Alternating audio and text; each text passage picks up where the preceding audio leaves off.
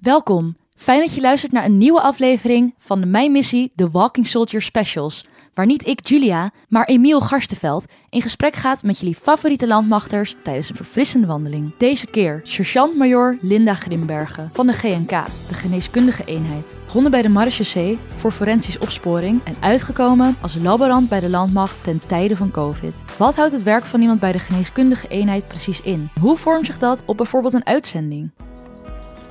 Hey Linda. Hey. Hi, Leuk dat je er bent. dankjewel. Waar zijn we eigenlijk nu precies? Uh, we zijn op de Ermeloze Heide.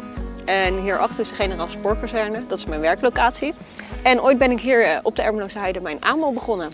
Wanneer was dat? In 2009. En waar ben je begonnen eh, tijdens je carrière? Uh, ik ben bij de Kamar begonnen.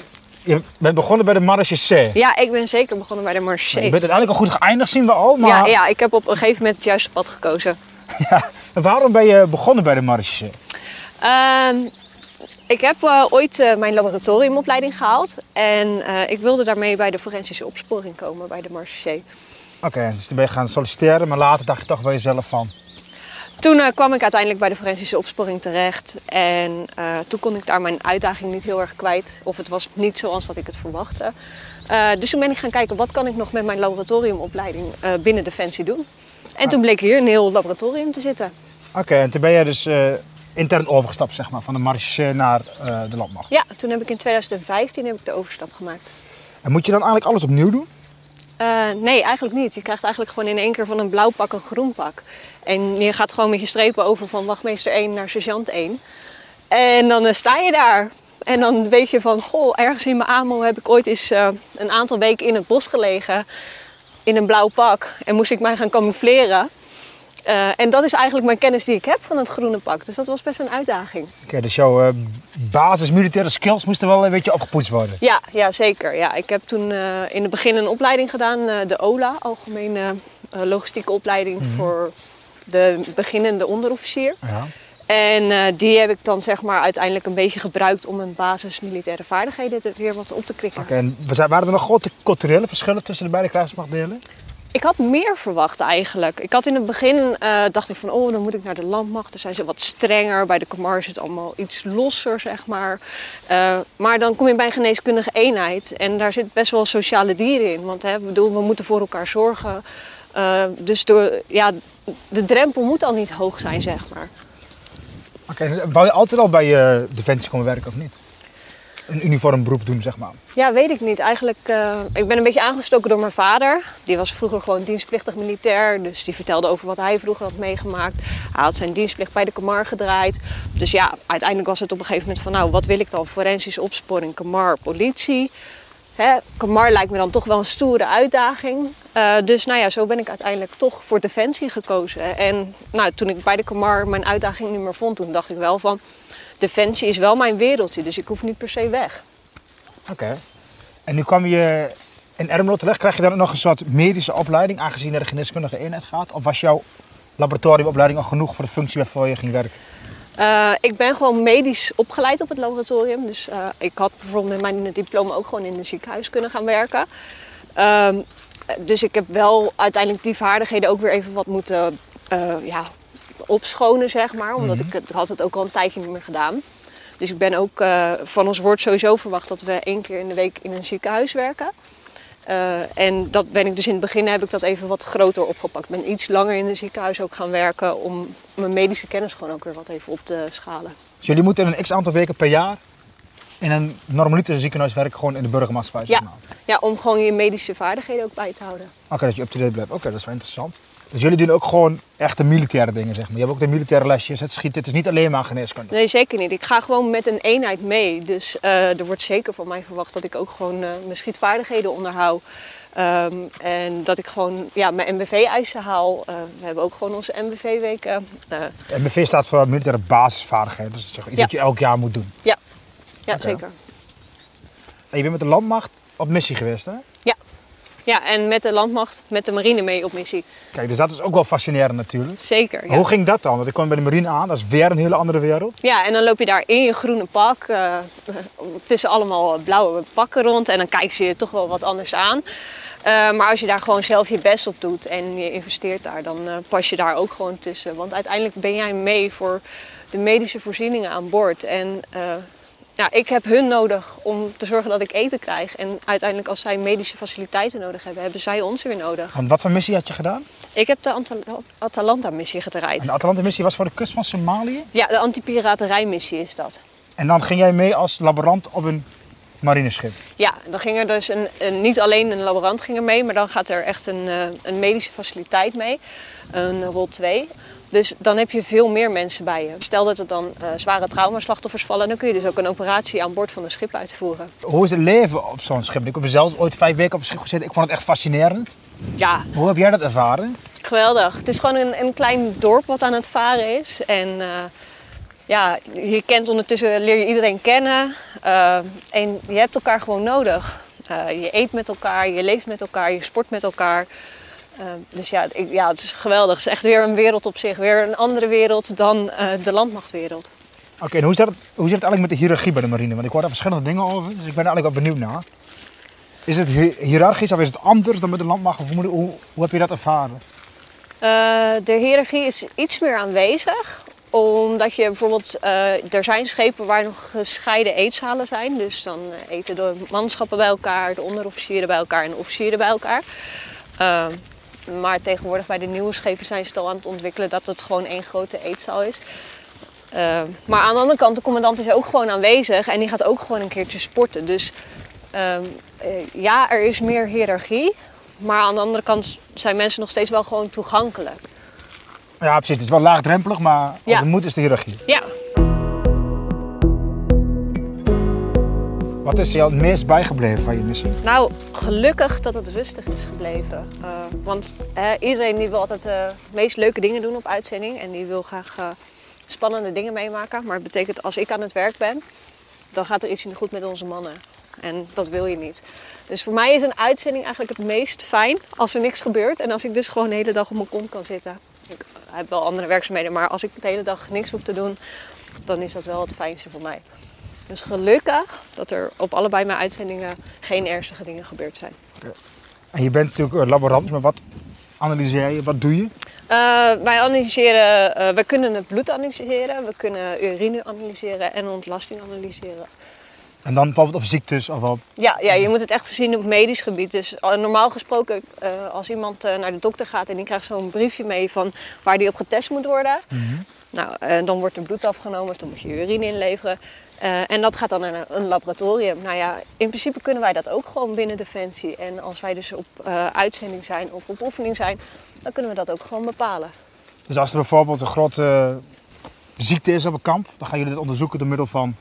Ja, dan kunnen we testjes doen en dan kunnen we dus kijken of dat er eventueel eh, wat er aanwezig is op het kamp. Of dat de mensen eh, bijvoorbeeld een, eh, een bepaalde ziekte hebben. Het hoeft niet per se iets besmettelijks te zijn voor de rest, maar het zou ook gewoon kunnen zijn dat iemand op dat moment ziek wordt. Eh, dat iemand eh, op dat moment, eh, weet ik veel, een, een longontsteking krijgt. Dat is niet besmettelijk, maar dat zou wel kunnen betekenen dat die persoon eh, nou ja, misschien toch wel naar een, een ziekenhuis in Nederland moet om gewoon goed behandeld te worden. Oké. En nu kan ik me natuurlijk voorstellen, in de huidige tijd waar we in leven, is natuurlijk COVID. Ja. Ge- Gebruiken ze jullie dan ook? Of zeggen ze van, we gebruiken burgerziekenhuizen en het is prima? Eh, nou, toevallig eh, zijn wij vorig jaar begonnen met een eh, onderzoek richting COVID-19. Eh, we hebben een analyzer aangeschaft en daarmee zijn wij nou ja, dus COVID-19 gaan onderzoeken. Eh, en daarvoor zijn dus al collega's van mij meegeweest eh, met de marine om zo de oefeningen te kunnen afdekken. Dan zaten ze niet binnen een tijdsbestek dat ze eventueel naar een ziekenhuis konden. Maar dan konden ze in ieder geval een inschatting maken van als er mensen aan boord ziek werden. Om toch wel de keuze te maken om dichterbij naar een ziek, eh, te gaan varen. Zodat ze richting een ziekenhuis konden gaan mocht er een covid-uitbraak zijn. Oké, maar wat moet ik voorstellen? Wat, wat onderzoek je dan? Ik ben, kijk, ik ben een leek, hè? Nou, als je nu tegenwoordig denkt dat je COVID-19 hebt, dan moet je bijvoorbeeld eh, een keel- en een neusswab laten doen. Ja, zo'n ding, eh RIVM. Thierry Ja. Nou, eh, voor ons onderzoek zijn we nu bezig om te kijken van of het in het bloed kan. Dus dan wordt er een buisje bloed afgenomen. Eh, maar we vergelijken ook wel de keel- en de neuswap, dus die nemen we ook af. Ehm, en we zijn dus ook aan het testen of het eventueel uit speeksel zou kunnen. En dat is gewoon veel minder belastend voor een patiënt. Want dan kan je gewoon eh, een buisje en dan ga je in zitten kwijlen. En dan kun je dat onderzoeken. Oké, dus voordat iemand straks op missie gaat, wil je speeksel afnemen, goed, niet goed, kan die wel of niet doorgaan. ja, gezegd. dat zou mogelijk een optie kunnen zijn van het onderzoek als dat eh, eruit komt. Maar het loopt momenteel nog, dus daar kan, ja, kan ik Ja. nog niks over zeggen wat eruit gaat komen. En als, eh, delen jullie zoiets ook in de algemene eh, medische wereld? Stel Ja. jullie vinden zoiets, hebben jullie zo'n samenwerking met andere ziekenhuizen of onderzoekers? Of, eh, Ja, ja we werken momenteel gewoon samen met het RIVM, het AMC, het CEAG. Dus we werken met best wel wat ja, instanties samen om Veel dit te draaien. Ja. hoe zie je je eigen toekomst binnen dit bedrijf? Wil je verder in het vakgebied waar je nu zit, of wil je echt wat anders gaan doen? Nou, ik ga in september beginnen met de HBO-opleiding toegepaste psychologie. Omdat ik dat Toegepaste gewoon... psychologie. Ja, Oké, dat is wel iets andere richting. Ja, eh, ja, het is iets heel anders. Maar het is eigenlijk ook waar ik op zich altijd al wel mee bezig was. Ik was altijd al wel geïnteresseerd in het onderzoeken, in mensen. Nou, bij de Marché, waarom deden mensen nou dingen? Eh, wat zetten ze aan tot bepaalde gedragingen? Ehm, dus vooral dat vind ik heel erg interessant. En, en dat kan je ook mooi met die HBO-toegepaste psychologie doen. En dan zou je dus eventueel ook weer eh, richting eh, de KMAR kunnen gaan voor profiling. Uh, maar wij hebben ook gewoon binnen de landmacht uh, een Intel-onderdeel waarbij je ook, uh, waar ze ook heel erg geïnteresseerd zijn in profiling van bepaalde groeperingen, culturen. En dan kun je de, die opleiding ook eventueel als achtergrond gebruiken. Dus eventueel in de toekomst richting communication en engagement. Ja, of INV, Intel en veiligheid. Oké, okay, en dan kijken wat je daar met al je kennis kan gaan doen. Ja, inderdaad. Ja.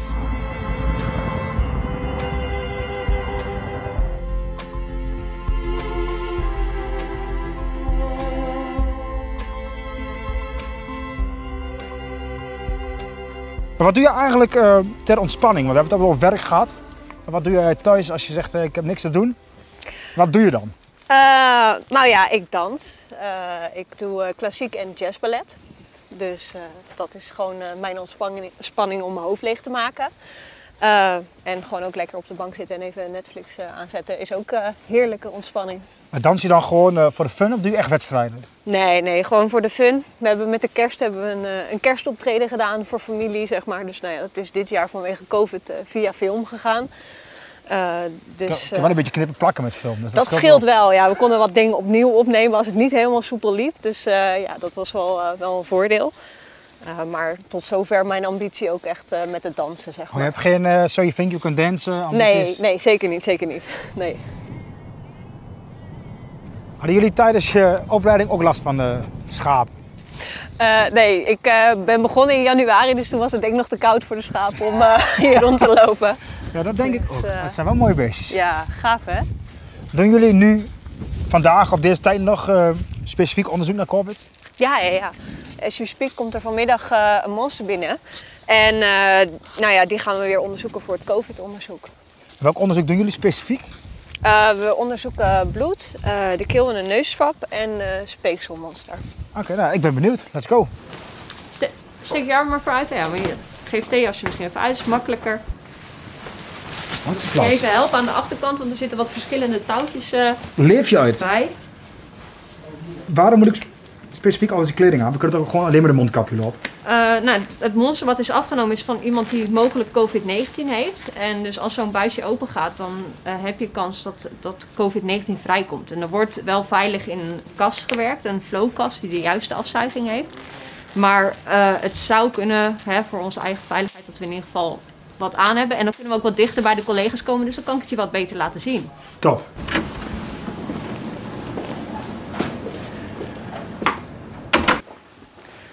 Nou, welkom in het laboratorium.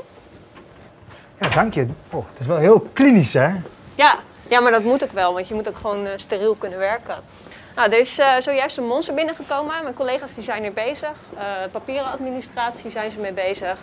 En mijn andere collega die is bezig met het opwerken van het monster. Dus je ziet dat hij hier nu even aan het opmengen is. En dan gaat hij zo meteen En dit is van jullie, voor het grote onderzoek wat jullie nu al mee bezig waren. Ja, ja, dit is onderzoek waar we mee samenwerken met uh, diverse ziekenhuizen. Maar ja, de resultaten zijn uiteindelijk, zeggen iets over COVID. En dat is dus ook eigenlijk iets wat ja, ja, breder dan Nederland is. Want je wil gewoon eigenlijk voor de hele wereld willen ze weten wat er met COVID aan de hand is en wat het doet. Bedankt voor deze leuke dag. We hebben veel besproken, denk ik. We hebben het gehad van balletdansen tot COVID, dus we hebben echt alles gehad. Hoe heb jij het uh, ervaren? Ja, ik heb een superleuke dag gehad.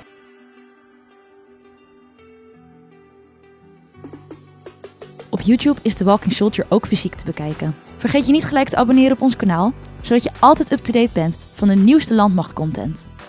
Bedankt voor het luisteren en tot de volgende aflevering.